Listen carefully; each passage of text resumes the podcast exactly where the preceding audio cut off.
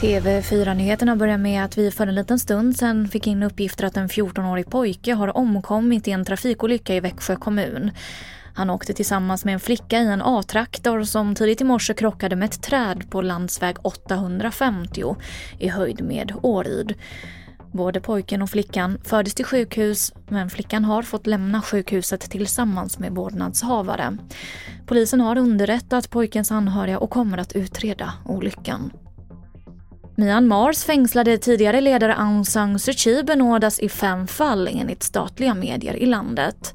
Tidigare i morse rapporterade flera nyhetsbyråer att hon skulle ha släppts fri men enligt statsmedia står hon fortfarande åtalad i minst 14 fall.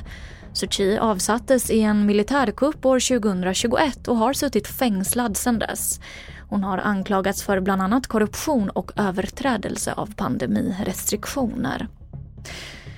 Och det är fortsatt brist på de kemikalier som behövs för att rena dricks och avloppsvatten. Branschorganisationen Svenskt Vatten vill nu att regeringen tar större ansvar för att säkra reningen. En del kommunala reningsverk har nekats köpa full kemikaliedos. Vi hör Klara Westling som är avlopp och miljöexpert på Svenskt Vatten.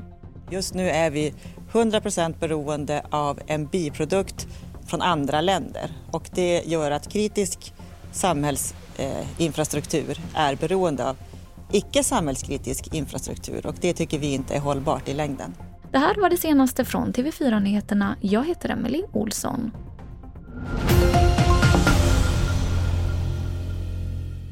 Ett poddtips från Podplay. I fallen jag aldrig glömmer djupdyker Hasse Aro i arbetet bakom några av Sveriges mest uppseendeväckande brottsutredningar går vi in med hemlig telefonavlyssning och, och då upplever vi att vi får en total förändring av hans beteende. Vad är det som händer nu? Vem är det som läcker? Och så säger han att jag är kriminell, jag har varit kriminell i hela mitt liv men att mörda ett barn, där går min gräns. Nya säsongen av Fallen jag aldrig glömmer på Podplay.